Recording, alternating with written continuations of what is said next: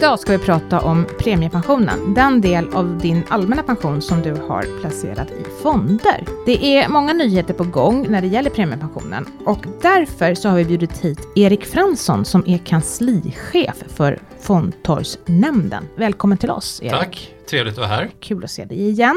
Och förutom Erik så hör ni mig då, Maria Eklund och Kristina Kamp. Hej. Mm -hmm. Have I been here before? Ja, verkligen. Jag var här förr. Ja, det har du varit. Mm. I slutet av maj, Erik, så klubbade riksdagen igenom regeringens förslag om att införa en fondtorgsnämnd och ett upphandlat fondtorg. Och sen gick det snabbt. Redan den 20 juni så startade den nya myndigheten, nej, nya kansliet. Nya myndigheten startade 20 juni, mm. Fondtorgsnämnden, det är en egen ny myndighet. Det är en myndighet alltså? Mm. Men generaldirektör är du inte? Nej, det här är en nämnd. Mm. Eh, och nya myndigheten består egentligen av de nämndledamöter som finns. Det är sju stycken nämndledamöter som, som fattar alla beslut, alla viktiga beslut i, i den här verksamheten. Och sen finns det då ett kansli där jag är kanslichef som sköter upphandlingarna och den löpande verksamheten inklusive att både upphandla och granska fonderna som ska vara med i framtiden. Och det är ert uppdrag? Det är vårt uppdrag. Mm. Men är det här ett nytt sätt att rigga myndigheter? Undrar man ju då. Nej men det finns mm. olika, det, mm. liksom, det här är en nämndmyndighet kallas det. Ja. Det finns olika typer av myndigheter eh, och en aktuell annan nämndmyndighet i dessa tider är ju Valmyndigheten till exempel. Ja. Som har Skatteverket som värdmyndighet. Fondtorgsnämnden är också en nämndmyndighet fast vi har de har då Pensionsmyndigheten som värdmyndighet. Så värdmyndigheten levererar ja, mycket av, av eh, administrativa tjänster, lokaler, IT, HR, mm. ekonomiredovisning medan nämnden jobbar med kärnverksamheten med det. Ja, så mm. det är ett sätt att, att eh, få en, en mer bland annat kostnadseffektiv eh, myndighet. Mm.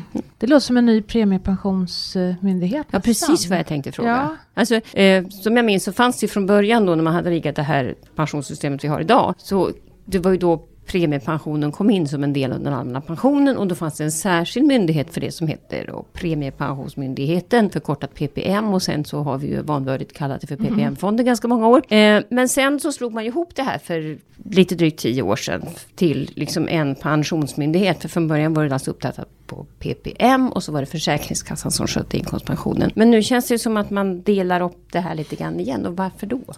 Ja, och det, då, då, får vi backa ganska länge. Vi får nästan backa till eh, de här tråkiga tiderna när vi hade Allra Falcon och lite andra oseriösa mm. aktörer på fondtorget också och pengarna rann ut. Mm. Om, vi, om vi kommer ihåg så var det ju december 2017. Det var en pensionsöverenskommelse. Pensionsgruppen beslutade dels att vi skulle införa det vi kallade för steg 1. Eh, det vill säga stoppa mm. blödningarna till mm. oseriösa aktörer. Det är det vi har jobbat med de sista fyra åren. Mm. Men redan då så bestämde man i pensionsgruppen, och nu det, liksom- det, det börjar bli rätt länge sedan, 2017, att det nya fondtorget eh, så skulle fonderna vara upphandlade.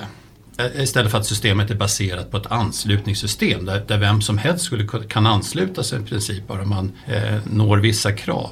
Och då sa man redan då att, att målsättningen är då att det, det, det ska ge större trygghet, högre framtida pensioner, Staten ska ta ett större ansvar för att den valmiljö, inklusive de fonder som finns där, är, är, är pålitlig och säker. Och fondutbudet i framtiden ska fortsatt präglas av valfrihet men att det ska finnas en ny huvudman som har som uppgift att säkerställa att de fonder som finns där är de bästa.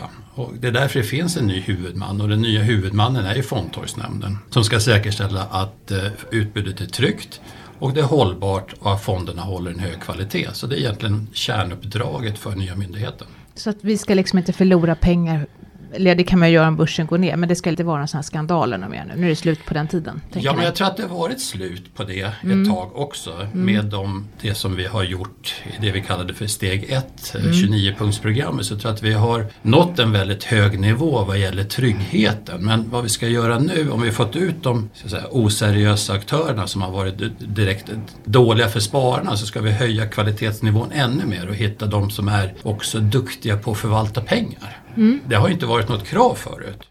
Men då galet. måste jag ju lite grann fråga, hur vet ni vad som är en bra fond för mig? Och hur vet ni det bättre än jag? Ja, eh, på första frågan måste jag säga att vi kommer aldrig veta vad som är bäst fond för dig. Det kan bara du veta. Men jag tror att vi, utan att jag kan ditt CV och vet vad du har gjort eh, historiskt, så tror jag att vi kan vara ganska säkra på att den här organisationen tillsammans kommer vara bättre på att hitta de fonder som du kan välja på när du ska göra ditt eget val. Att säkerställa att de som finns där är fonder där förvaltarna är duktiga på att köpa och sälja värdepapper och skapa ett mervärde. Att vi har utnyttjat vår förhandlingsstyrka så att vi har så låga priser som möjligt. Att vi har ett eh, annan operationell kvalitetsnivå också. Så att det utbud som du kommer sen att ha att välja ifrån kommer ju vara kvalitetssäkrat på en väldigt hög nivå. Men sen kommer inte vi veta exakt vad Kristina Kamps... Eh, vi, vi, kommer inte göra individuell rådgivning så att säga. Mm. Man, för att, för att du, ska, du kommer säkert vara bäst på att välja själv, fonder till dig själv baserat på det mycket bättre utbudet. Och du behöver inte titta igenom alla 40 globala aktiefonder när du vill ha en global aktiefond och själv fundera över vilken som är bra och dålig och vilken som tar för högt pris eller inte. Utan det gör vi åt dig. Men då undrar jag, om vi då tittar på tjänstepensionerna, de har ju lite grann den här modellen redan, det vill säga att man, man upphandlar bolag som sköter förvaltningen åt dig. Eh, alltså egentligen jag som kund, individ, sparare, whatever, jag väljer då först det bolag, eller först så väljer jag på traditionell försäkring och fondförsäkring. Det är ju inte aktuellt i det här fallet om jag inte är pensionär. Eh, men sen då i det här fondförsäkringsutbudet om jag väljer det, då väljer jag ju bolaget först som jag vill ska förvalta mina pengar. Kommer ni göra likadant eller ser det annorlunda ut? Nej men vi kommer göra, eh, vilket jag tror kommer nå, bli ett, få, få ett bättre slutresultat också för spararen. Jag tror att frågar man branschen så finns det många åsikter om den typen av upphandling. Men vi kommer titta fond för fond snarare än att titta på bolag för bolag. Vilket gör att oavsett vilket bolag det är så är det den individuella fonden som är det viktiga i själva upphandlingen. Och sen måste ju självklart bolaget möta vissa krav men, men eh, eh vi, vi, vi kommer titta fond för fond. Och sen om man då tittar ja, fond för fond, då har vi liksom olika kategorier. Vi har globalfonder och vi har bioteknikfonder och vi har Sverigefonder, vi har liksom tusen, eller olika, mm. eller väldigt många kategorier i alla fall. Kommer ni då eftersträva att ha, så att säga, många kategorier men kanske få fonder i varje kategori? Eller hur, hur tänker ni mer så? Nej, men vi kommer göra upphandlingar kategori för kategori. Och alla, vi, vi har ju befintliga förutsättningar. Förutsättningar för oss är olika i olika kategorier. Tar vi aktivt förvaltade globala aktiefonder så har vi väldigt mycket pengar i den kategorin. Det är över 150 miljarder. Mm. Eh, och då behöver vi för den kategorin fundera över hur många fonder ska vi upphandla för att vi ska få ett så bra slutresultat som möjligt för spararen.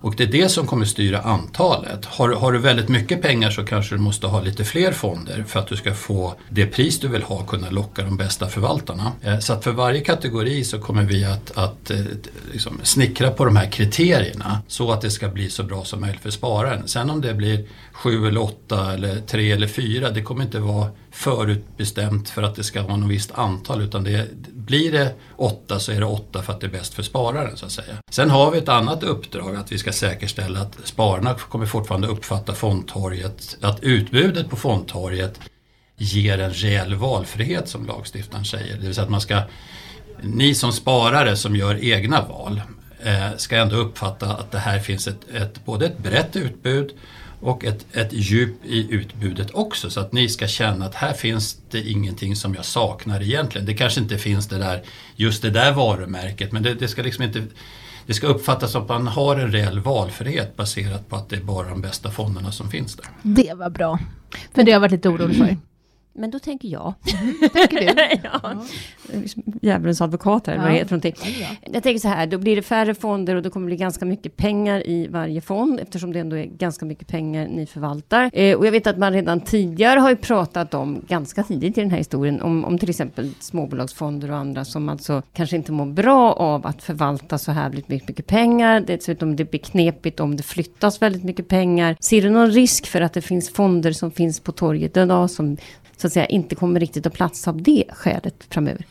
Ja, men det, det, det, det, är klart det kan finnas kategorier som är mer utmanande att upphandla än annan och småbolagsfonder har ju den egenskapen att det kanske finns förvaltare i de fonderna där varje fond har lägre kapacitet och tar emot pengar från ett fondtorg som oss. Och lite tillbaka till det vi pratade om förut, då kanske vi behöver fundera över hur många fonder måste vi ha då? För att den befintliga den, liksom, branschen idag ska kunna svälja de volymer vi har. Branschen idag sväljer de volymer vi har eh, och rent teoretiskt kan vi upphandla lika många fonder som vi har idag. Men skulle vi gå ut och säga att vi ska bara upphandla en svensk småbolagsfond då skulle det inte bli alls något bra slutresultat. Antingen skulle det bli väldigt dyrt eller också skulle vi inte få några som, som lämnar in anbud. Så det är det jag menar med att vi måste för varje kategori och varje kategori har olika förutsättningar så måste man då redan på förhand när man designar själva upphandlingen fundera igenom de här sakerna för att säkerställa att, att i slutändan att det blir då bra för spararna. För skulle vi inte göra det, då får vi antingen får vi inga bra fonder eller också blir det för höga priser och då blir det inte bra för spararen heller. Då. Men jag anar en liten målkonflikt här. Alltså det där, de här nischade små som egentligen skulle behöva vara lite snabbfotade, kunna liksom rulla runt pengar. Där blir det ju svårt med en jättestor aktör, tänker jag, som har jättemycket pengar. Kan bli. Mm. Mm. Ja, vi får se. Återstår att se. Jag mm. funderar på de här fonderna som jag, om jag har fonder idag som då inte kommer vara med på fondtorget, hur får jag information om ja. det? Vad händer då? Mm. Då kommer du få ett brev. Okej. Okay. Ifrån Pensionsmyndigheten? Från Pensionsmyndigheten. Pensionsmyndigheten ja. är fortsatt ansvarig för relationen ut mot spararna. Ja. Mm. Så de är ansvariga för att informera dig. Mm. Och de är ansvariga för att ta hand om du gör fondbyten också. Själva mm. fondbytena. Så att okay. Fondtorgsnämnden och den verksamheten som kansliet gör är ansvarig för att populera själva fondtorget med attraktiva fonder. Och sen Pensionsmyndigheten kommer då skicka ett brev till dig där de säger att du har en fond eh, som inte har blivit upphandlad. Hade den blivit upphandlad då hade det inte hänt någonting för dig för då hade, då hade de fått behålla sin volym och att det hade liksom rullat på som vanligt. Men har du en fond så kommer det stå att du har en fond som inte har blivit upphandlad och så kommer de förklara varför de har gjort de här upphandlingarna, målet med upphandlingarna och att det då är ju då väldigt sannolikt att du har fått en fond som bedöms av i alla fall fondtorgsnämnden att vara av högre kvalitet än den du har. Du kommer få reda på vilka fonder som har blivit upphandlade, om det är fem eller sex nya. Och har då chansen att först göra ett eget val bland de som har blivit upphandlade. Men gör du inte ett eget val så kommer Pensionsmyndigheten flytta dina sparpengar till någon av de här som då eh, har bedömts som likvärdig den fond som du har idag. Mm. Så att man behöver inte göra någonting och då Nej. kommer du automatiskt få en likvärdig fond. Mm. Har det varit en eh, global aktiefond så kommer du få en ny global aktiefond. Mm. Den kommer heta någonting annat och den kommer vara upphandlad, kvalitetssäkrad och med all sannolikhet prestera bättre i framtiden än den gamla som du hade. Mm. Nu är jag tillbaka till min småbolagsfond då. Ja. Låt säga att jag har en småbolagsfond, då kommer jag så, om det, och den inte blir upphandlad, då får jag en lista på andra småbolagsfonder som ni bedömer vara bättre. Ehm, jag ser ett liksom enormt flöde av pengar här fram och tillbaka. Liksom hur kommer det att hanteras? Det kommer att hanteras, det, och det, är inget, det här är liksom inget unikt Nej, jag vet att det har hänt förr. Utan ja. Eh, många andra mm. fondförsäkringsplattformar gör på det här sättet också. Att man, när man byter ut fonder så flyttar man helt enkelt volymerna. Eh, så det, det, det, det, är ganska vanligt i branschen att, att, att stora, stora summor flyttas mm. och sen kan man se till att man behöver säkerställa att de här flyttarna görs på ett bra sätt också så att eh, både befintliga sparare i den säljande fonden så att säga inte drabbas och att man får så små kostnader som möjligt i själva transitionen från den gamla fonden till den nya fonden. Och där kommer Pensionsmyndigheten vara flexibla. Vi kommer, är det stora volymer så kan man ju tänka sig att man har olika delade avslut över en längre period och eh, kommer bli en diskussion mellan, mellan fondbolagen om hur man gör det här på bästa möjliga sätt. Men det, det det kommer bli flöden, absolut. Mm. Och vi har tränat lite på det i steg 1. Vi hade ju rätt stora avslut i, i den här steg 1 mm. under 2018, 19, 20. Ungefär 300 fonder som avregistrerades där vi för sig sålde och flyttade pengarna till AP7 Sofa. Så att vi har, vi har tränat lite på det på Pensionsmyndigheten. Det finns en vana i branschen på vissa ställen i alla fall att, att hantera den här typen av flöden. Och blir det större flöden som på något sätt skulle vara ett problem så kommer det finnas en flexibilitet från Pensionsmyndighetens sida också. Mm att hantera de här flödena så att det blir så bra som möjligt för alla. Det vill säga, det blir ingen one quick fix utan liksom den 17 december byter vi alla fonder utan man kan tänka sig att det här drar ut lite över tid. Regeringen eh, vill att vi ska, vilket man skrev i propositionen, vill att vi ska vara klara efter en, en vi ska få tre år på oss, mm. 2025 till sommaren regeringens förhoppning att vi har bytt ut alla gamla fonder mot upphandlade fonder. I och med att upphandlingarna kommer ske kategori för kategori så kommer det bli väldigt många upphandlingar under den här perioden och det är en, en av våra utmaningar också. Men så att det kommer bli steg för steg, kategori för kategori och eh, det är en utmaning för oss att komma igång, bygga verksamheten, göra alla de här under en treårsperiod. Första upphandlingen måste ju vara perfekt. Vi får mm. liksom inte vi, får inte hamna fel någonstans av, av respekt för mm. både system, fondbolag och sparare. Så får, vi, vi, har inte, vi har inte lyxen att pröva oss fram. Nej. Men ni är ju människor ni också. Så är det. Eh, ja. ja, vad gör ni då om det blir fel? ja, men det får det inte bli. Nej. Men, men, eh, nej, men vi kommer göra allt för att det ska bli rätt. Mm. Men de här breven då, jag försöker liksom se det här praktiska mm. för mig som sparare. Mm. När börjar jag och kan räkna med att få brev om jag nu har en fond som så att säga inte platsar längre? Vi har, vi har sagt att vi, liksom, när vi gör våra glädjekalkyler, att vi gärna kommer ut med en första upphandling kanske runt årsskiftet. Och sen mm. kommer den påverk, eh, pågå ett, ett antal månader. Och sen när den är klar så kanske första breven går ut någon gång vid, vid sommaren nästa år. Liksom. Mm. Sen beror det på om du äger en fond i den kategorin som har blivit upphandlad då. Det är inte säkert. Nej, nej, nej. Men då bör de första kategorierna, mm. första breven gå ut till spararna skulle jag gissa nu då. Det är fortfarande väldigt tidigt. Vi, mm. Myndigheten, vår verksamhet startade precis innan midsommar. Sen skulle alla fira midsommar och sen mm. var det lite semestrar. Eh, och eh, mycket av den här verksamheten, vi börjar ju från ett blankt papper mm. liksom det, är, det är en startup i staten. Vi, vi, det, det, är tomt. Liksom. Mm. Vi måste hitta folk, vi måste mycket anställningar, bygga processer, bygga verksamhet, eh, få ihop allting på väldigt kort tid. Får jag ställa min sista jobbiga ja. fråga på den biten? Det finns en prislapp. Eh, ja. och det sades ju från början när då premiepensionen infördes och alltihop det där att då fanns det en ganska hög alltså en förvaltningskostnad som mm. alltså myndigheten tog ut för utöver förvaltningskostnaden ja. i fonden så tog myndigheten ut ytterligare en förvaltningskostnad. Den skulle ju sjunka till nästan ingenting. Vad ligger den på idag och vad förväntas den ligga på framöver? Ja, nu kommer ju eh, den här verksamheten kommer inte påverka den kostnaden. Mm. I och med att den här verksamheten, Fondtorgsnämndens verksamhet, kommer ju då vara 100% avgiftsfinansierad och det kommer vara fondbolagen som kommer finansiera den här verksamheten. Dels kommer de betala en, eh, en prislapp bara för att skicka in ett anbud en anbudsavgift. Ska man vara med på upphandlingen för globala aktier så får man betala x antal kronor mm. eh, bara för att skicka, ba, ja, genom att skicka in själva anbudet. Och sen kommer de få betala en årsavgift, eh, troligtvis baserat på volymen på det kapital som man har för att finansiera den nya verksamheten. Så att, så att spararna kommer inte direkt märka någon, någon, någon förändring på det sättet. Då. Men, men möjligen kan det också bidra till att en del fondbolag kanske inte är så jätteintresserade av att vara med längre? Det är ingen bedömning som vi gör. Utan jag tror alla fondbolag som har möjlighet att få ett upp, förvaltningsuppdrag mm. Och vissa av de här förvaltningsuppdragen kommer ju vara ganska mycket volym också. Så att om, om du som fondbolag får möjlighet att förvalta 5 miljarder ja genom att skicka in ett anbud. Och när du skickar in ditt anbud som fondbolag så har du också möjlighet att själv indikera, givet att det kommer kosta så här och så här att skicka in anbud och en årsavgift så får de ju indikera själv vilket pris de vill ha. Så att det kommer ju vara transparent från början för fondbolagen också. Och den där kostnaden är, tycker vi då är ganska liten jämfört med vad vi tror att spararna kan tjäna på det här. Och då kan man tjäna på det här som sparare på två sätt. Dels kan man ju få en fond där vi har utnyttjat den här kollektiva förhandlingsstyrkan vi har som premiepension och fondtorg. Om vi har 1200 miljarder att lägga på bordet så att säga så tror vi att det kan gynna oss i prisförhandlingarna. Mm. Det har det ju gjort hittills. Mm. Ja, mm. och det kommer det fortsätta att göra. Mm. Eh, Jag känner mer. Ja, i vissa kategorier ja. absolut. Mm. Och, så att där kommer vi då få så bra priser vi kan få. Samtidigt får vi fonder med högre kvalitet och de kan leverera lite högre avkastning än vad fonderna idag gör så kan det slå väldigt mycket på pensionen. Så när vi räknar med en halv procent högre avkastning per år mm.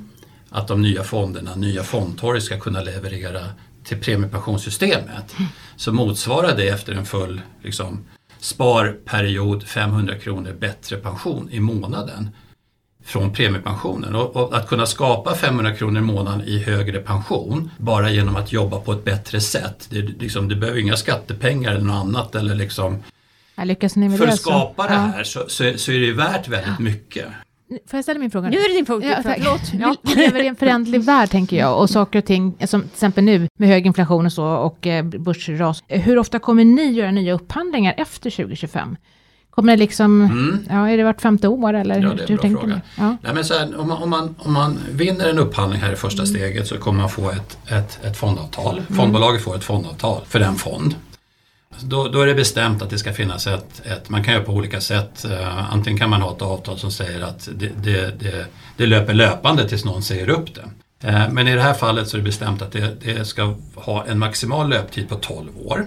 Men det betyder inte att fonden får vara kvar i 12 år utan den får vara kvar så länge den håller samma kvalitetsnivå som den hade vid uppköpstillfället. Och hur vet ni det? Genom att vi löpande granskar vad mm. de gör. Mm. Och det gör vi redan idag så har vi en löpande granskning på alla fonder som finns på fondtorget. Men vi, vi granskar det från ett operationellt perspektiv så att det inte helt plötsligt kommer in några skurkar som köper ett fondbolag och gör någonting som de inte ska göra. Så det, det, är en löpande granskning som vi har idag. Den kommer ju fortsätta men nu i framtiden så kommer vi även granska att förvaltningskvaliteten, förvaltningsteamet som köper och säljer aktier eller räntor kommer att hålla samma höga kvalitet som det var tänkt från början. Så om man byter förvaltarteam så kan fonden åka ut?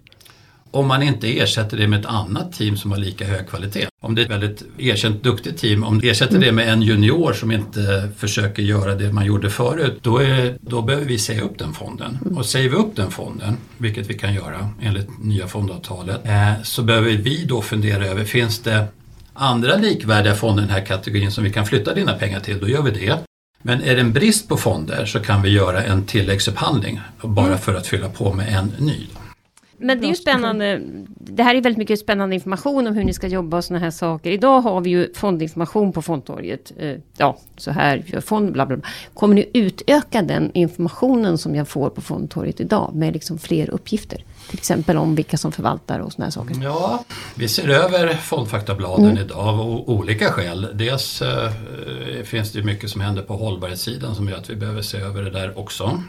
Där gäller det att hitta någon bra balans. Eh, vi kan inte ha åtta sidor hållbarhetsinformation och så har vi tre rader om förvaltningsteamet och mm. avgifter och risker och strategin. Utan det ses över idag av fondinformationsgänget på, på Pensionsmyndigheten och i, absolut, jag tror att vi kommer prata mer om investeringsstrategi, vilka det är som förvaltar och, och lägga mer fokus på den sidan också. Mm, mer information. Vi kommer osökt in på de hållbara fonderna, gjorde vi inte det Maria? Nu.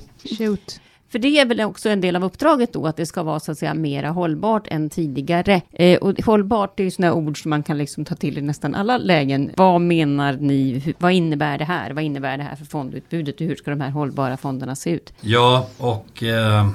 Vi har pratat mycket hållbarhet i den här podden. Så ja, jag förstår det. Ja. Det, där, det, det, är en spännande fråga, en viktig fråga. Eh, och vi, eh, det kommer sannolikt att finnas eh, minimikrav både på fondbolag och fond. Eh, att jag säger sannolikt beror på att det här kommer att vara beslut som fondtorgsnämnden kommer att behöva fatta. Eh, och man har, man har inte kommit så långt som man har fattat de besluten. Men eh, det kommer sannolikt vara minimikrav. Och sen tror jag för varje kategori som man upphandlar så kommer man behandla hållbarhet lite olika. Tar man, upphandlar man en passiv indexstrategi till exempel så behöver man ju fundera över vilket benchmark ska indexförvaltaren följa och då, då kommer hållbarhetsfrågorna komma in i själva indexvalet kanske.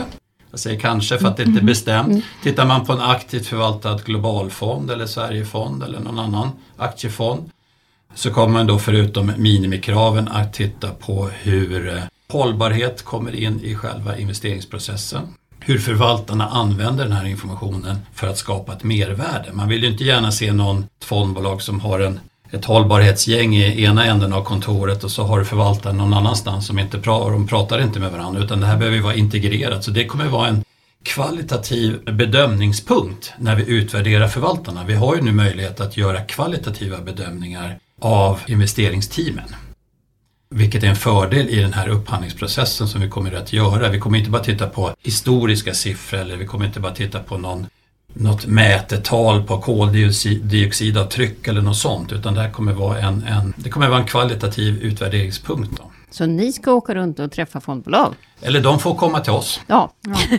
det lät billigare. Kanske, kanske bättre. Mm. Du, jag tänker, om jag då inte har gjort något val, jag ligger kvar i AP7 Sofa, där kan jag fortfarande fortsätta att ligga kvar med? Ja, absolut. Mm. Och jag kan fortfarande ha en del av mitt sparande i AP7 Sofa och välja ja. några fonder? Ja. Och det kommer fortfarande ha fem val? Uh, ja, kommer det vara. Nu svävade du. ja, det skulle ju vara... Nej men det går att ha flera val och i framtiden så kommer det rent tekniskt gå att ha flera fonder under en oh. sån här eh, utförsäljningstidpunkt ja. också. Då. Men tänk, tänk, tänk fem fonder. Mm. Mm. Det, det, är lite sådär, det är inte satt ännu, eller? Nej men det kommer vara från tid till annan, det kommer finnas ett normalläge mm. och så mm. kommer det finnas okay. ett läge där mm. man gör de här valen, mm. valen och flyttarna. Och då, och då kan det vara ja. så att du både har kvar en del av din gamla fond mm. och så har du bara fått en liten mm. del överflyttad till den nya fonden och så kommer det vara en så här stegvis process och då kommer du under en period ha Både den gamla och den nya. Ja, jag förstår. Ja, så mm. det är lite så. Ja. Mm. Men AP7 SOFA, alltså om man har valt eller inte gjort något val, då har man ju en blandning beroende på ålder och sådana här saker. Eh, som är så att säga, man har valt en risknivå. Mm. Eh, hur blir det då om man har andra fonder samtidigt? Kan man ha det? För då har man så att säga ändrat risknivån i sitt val. Mm. Men, men eller väljer jag då antingen AP7-aktie eller ränta? Nej, eller? du väljer så, ja det, ja det kan du också, men du väljer, väljer SOFA. Du kan ju ha SOFA och andra fonder också. Ja, mm. Kan jag ha det nu? Ja, ja det kan okay. du. Mm. För det var ett tag man inte kunde ha det. Mm, ja, precis, men vi ändrade det steget. Ja. Därför att vi hade så många avslut från fondtorget till ja. SOFA. Jo men det fattar jag. Men, men, men, men så att säga, det fattar jag att man kan ha det under ja. en övergångsperiod. Men ja, kan jag så att säga aktivt välja att mm. ha 50 procent AP7 SOFA? Ja. Mm. Japp. Okay. Det hade jag tag. Och sen så det som också var från början, då kunde man inte, hade man tagit bort, valt bort AP7 Sofa, då kunde man inte gå tillbaka Nej, början, men det var va? väldigt länge sedan. Ja, det var väldigt länge sedan. Ja. Men det var så, visst var det så? när du jobbade på Ja, ja ungefär. Ja. Old school. Jo, men då var det, det, var, det var ganska uttalat från politiskt håll att hade man nu gjort ett val så hade man gjort ett val och hade man inte gjort ja, det så, ja. No way back. Ungefär. Ja, det känns jättekonstigt. Men det här, nu kokar vi ner till det här, en ganska intressant fråga. Vi har bantats från, vad var det någonstans, 800 fonder till idag 450 någonting sådär där. Mm. mm. Vad hamnar vi på när du är klar med ditt jobb? Det får bli vad det blir tänkte jag säga. Men, men vi har inget mål på antalet utan vi, vi har bara gissat lite och, och, jag tror att när Mikael Westberg var särskild utredare så gissade han på 150 till 200 fonder. Och jag ser väl ingen anledning att ändra den gissningen som gjordes då. Mm. Utan ska man skapa ett fondutbud som har både bredd, vi ska ha djup, det ska uppfattas att du har en, en, en bra valfrihet och sen kopplat till de stora volymer vi har så, så är det väl 150-200. Jag, jag tror de flesta spararna inte kommer tycka att det är lite. Det är snarare så att man fortfarande kommer kanske tycka att det är lite jobbigt mycket också. Ja, eh, eller inte. Men jag tror ja. att gemene man kommer nog tycka att det är ganska lagom. Men, mm. men eh, jag tänker också för förut så var det var ju 800, så det har ju krympt ja. rejält. Ja. ja. Och men så hur, var det prat om 25 ett tag va? Tre. Ja, eh, men hur många, mycket ju... kommer finnas fruktansvärt mycket pengar i varje fond tänker jag. Vad är liksom, eh, hur mycket pengar kommer det finnas i varje fond? Ja. Om man har 150 fonder. Ja. Mm.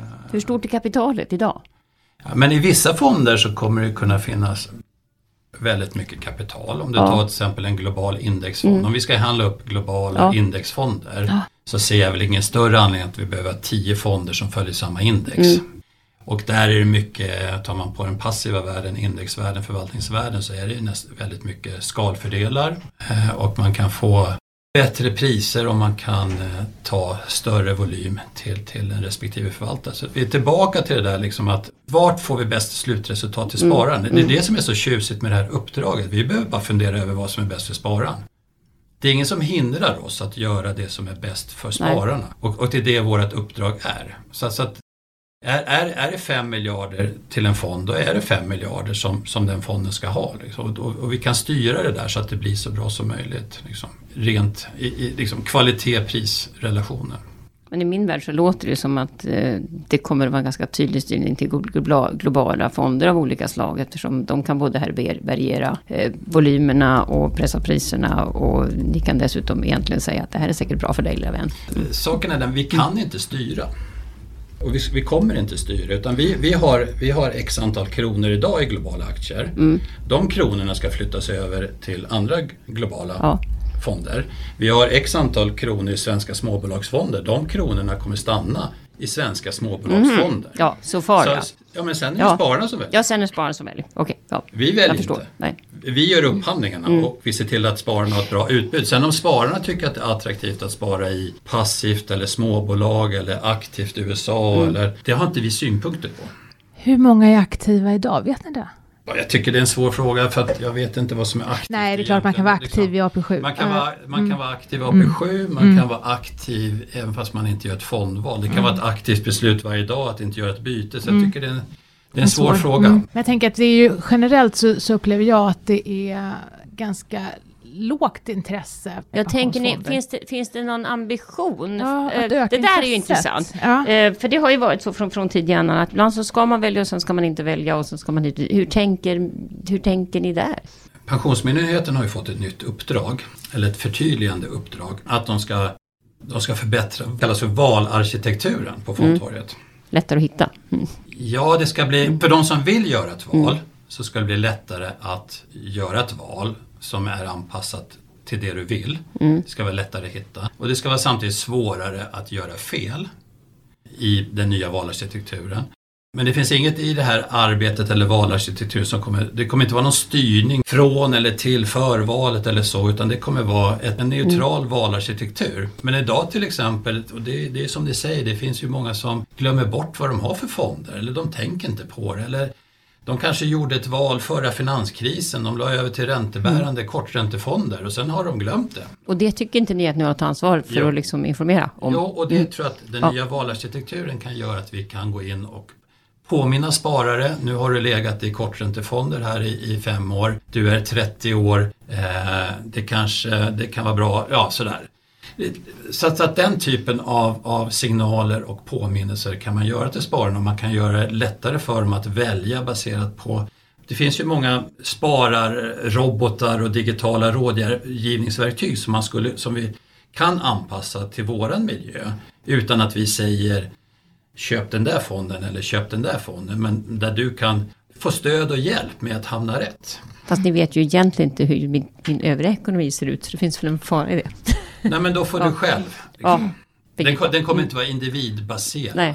Nej, nej, men om ni säger att jag, du är så gammal nu lilla vän så du borde ta ner din risk eller bla bla bla bla bla och så visar det sig att jag liksom sitter på tre fastigheter eller whatever så att jag, liksom, jag tycker att min risknivå är ganska låg ändå. Ja, det finns Men det kommer inte ja. vara individbaserad utan Nej. det kommer vara Jag tycker det är jättebra om man, om man liksom ökar intresset för Ja, ja för det, det är min sista fråga egentligen. För att när jag är ute och fråga, pratar om pension in general, eh, så brukar jag ibland fråga, när jag pratar om den allmänna pensionen och premiepensionen, som många dessutom tror är en del av tjänstepensionen. Eh, och så frågar jag, jaha, och var, om ni vill byta fonder, då vad gör ni det? Då vet blir- man inte Då det. blir det tyst. Är det bra? Är man inte intresserad, Mm är man 25 år och har jobbat några år eller sådär så, och är inte intresserad eller man tycker det är för tidigt eller någonting så behöver man ju inte känna sig stressad för det heller. Det finns ett bra förval, det är jättebra att ligga i AP7. I början är det ganska lite pengar. Jag tror att liksom när, när intresset finns så ska vi ju finnas där och göra det lätt för spararna att göra de här valen om man nu vill göra valen. Men vi, vi har liksom inget uppdrag att att öka intresset egentligen. Nej, inte Nej, på pusha. så Nej. sättet utan vi, vi, vi är ganska nöjda med att vi Mm. har ett bra förval. Så är man ointresserad så det, det är fine. Man, man drabbas inte av att vara ointresserad så länge vi har ett bra förval och vi har ett bra förval och det har fungerat bra. Och i många fall, i genomsnitt så har i många fall AP7-spararna eh, i genomsnitt fått det minst lika bra, om inte bättre, än de som har gjort aktiva val också. Mm. Du, hade inte vi en dagens fråga om det förresten? Jo, om det vi har- liksom ska känna att vi är färdiga med det Ja, här? fast vi är inte riktigt färdiga. Nej, jag okej, tänkte faktiskt jag får till- ja. på det, de här frågorna som vi skulle tagit i början, de missade vi, för det blev så intressant så vi sprang rakt in på alla andra frågor. Hur många anställda kommer ni ha? Och nämnden kommer inte ha några anställda. Den nya myndigheten, det här är lite teknisk myndighetskonstruktion. Ja. Så, att, så att själva nya myndigheten, nämnden, Ja. kommer inte ha några egna anställda utan det är bara nämndledamöterna som finns där. Utan alla, all personal, i och med att vi har det här systemet, Pensionsmyndigheten, värdmyndighet, så all personal kommer vara anställd i Pensionsmyndigheten. Okej.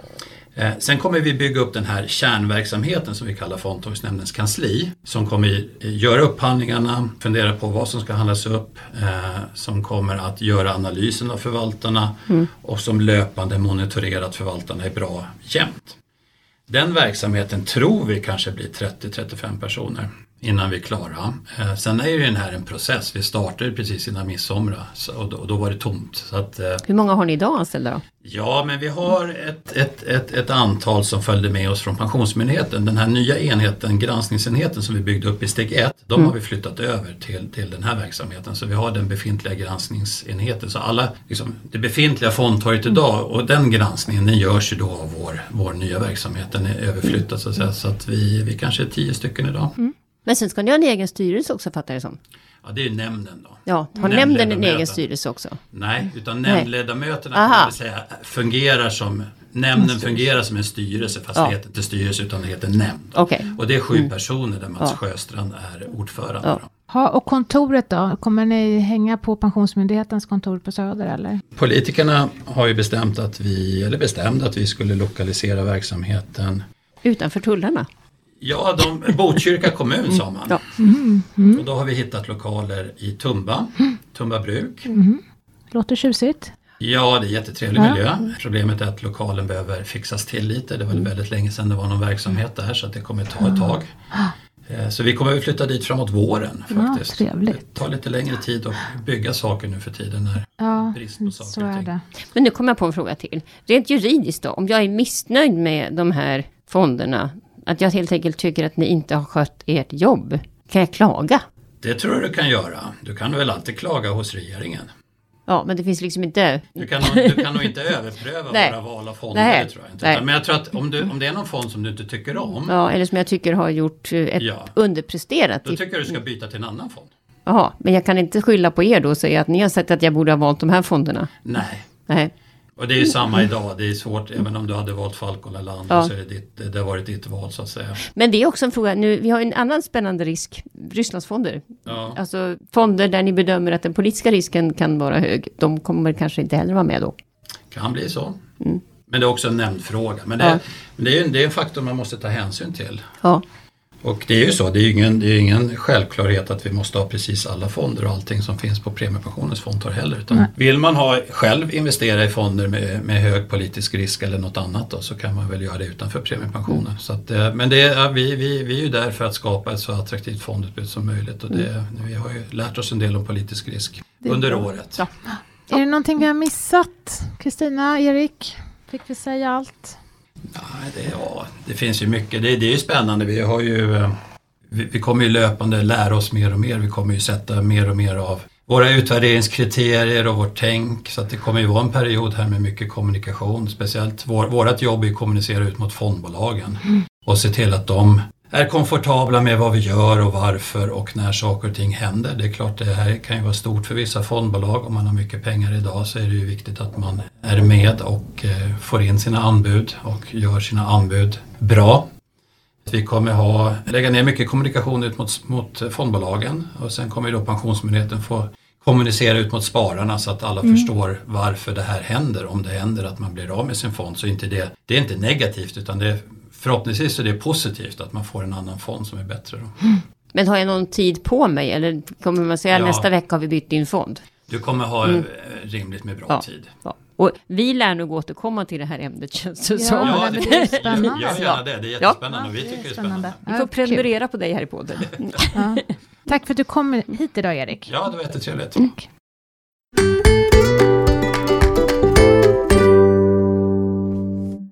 Då har vi kommit in till dagens fråga. Ja, och den som... handlar faktiskt om premiepensionen, så jag tror att mm. Erik, vi kommer höra din röst igen här nu. Okay. Ja, för frågan kommer från Annika och hon undrar hur det går med premiepensionen. Är det bra eller dåligt för pensionen egentligen, det här med premiepension? Så nu får ni svara. Ska jag svara Två experter. Du får väl börja. Ja. Mm. Du kanske vet mer än vad jag vet. Nej, börja du. Ja, men det har ju, det, historiskt sett så har ju här varit väldigt bra. Det har varit bra för, all, för den allmänna pensionen kan man säga mm. som består av premiepensionen och inkomstpensionen. Så har ju premiepensionen utvecklat sig väldigt väl jämfört med, med inkomstpensionen. Tittar man, oavsett vilka siffror man tittar på, om, om du backar så kort tid som fem år så har ju nästan premiepensionen, bara värdeutvecklingen har ju lett till en fördubbling på fem år nästan 100% upp, tre år 300 och även om man går ända bort till start, starten som var innan IT-kraschar och annat då, så är det nästan 400 upp. Då. Så det är ju en snittavkastning, jag kommer inte ihåg, jag vet inte nu med senaste nedgången, men någonstans mellan 7-8 mm. i alla fall som man har haft sedan start och det är ju en anledning till att man kanske diskuterar sådana här frågor som att man ska dubbla avsättningar och sånt till premiepensionen i och med att det förväntas över tid fortsätta ge en högre avkastning än inkomstpensionen. Då.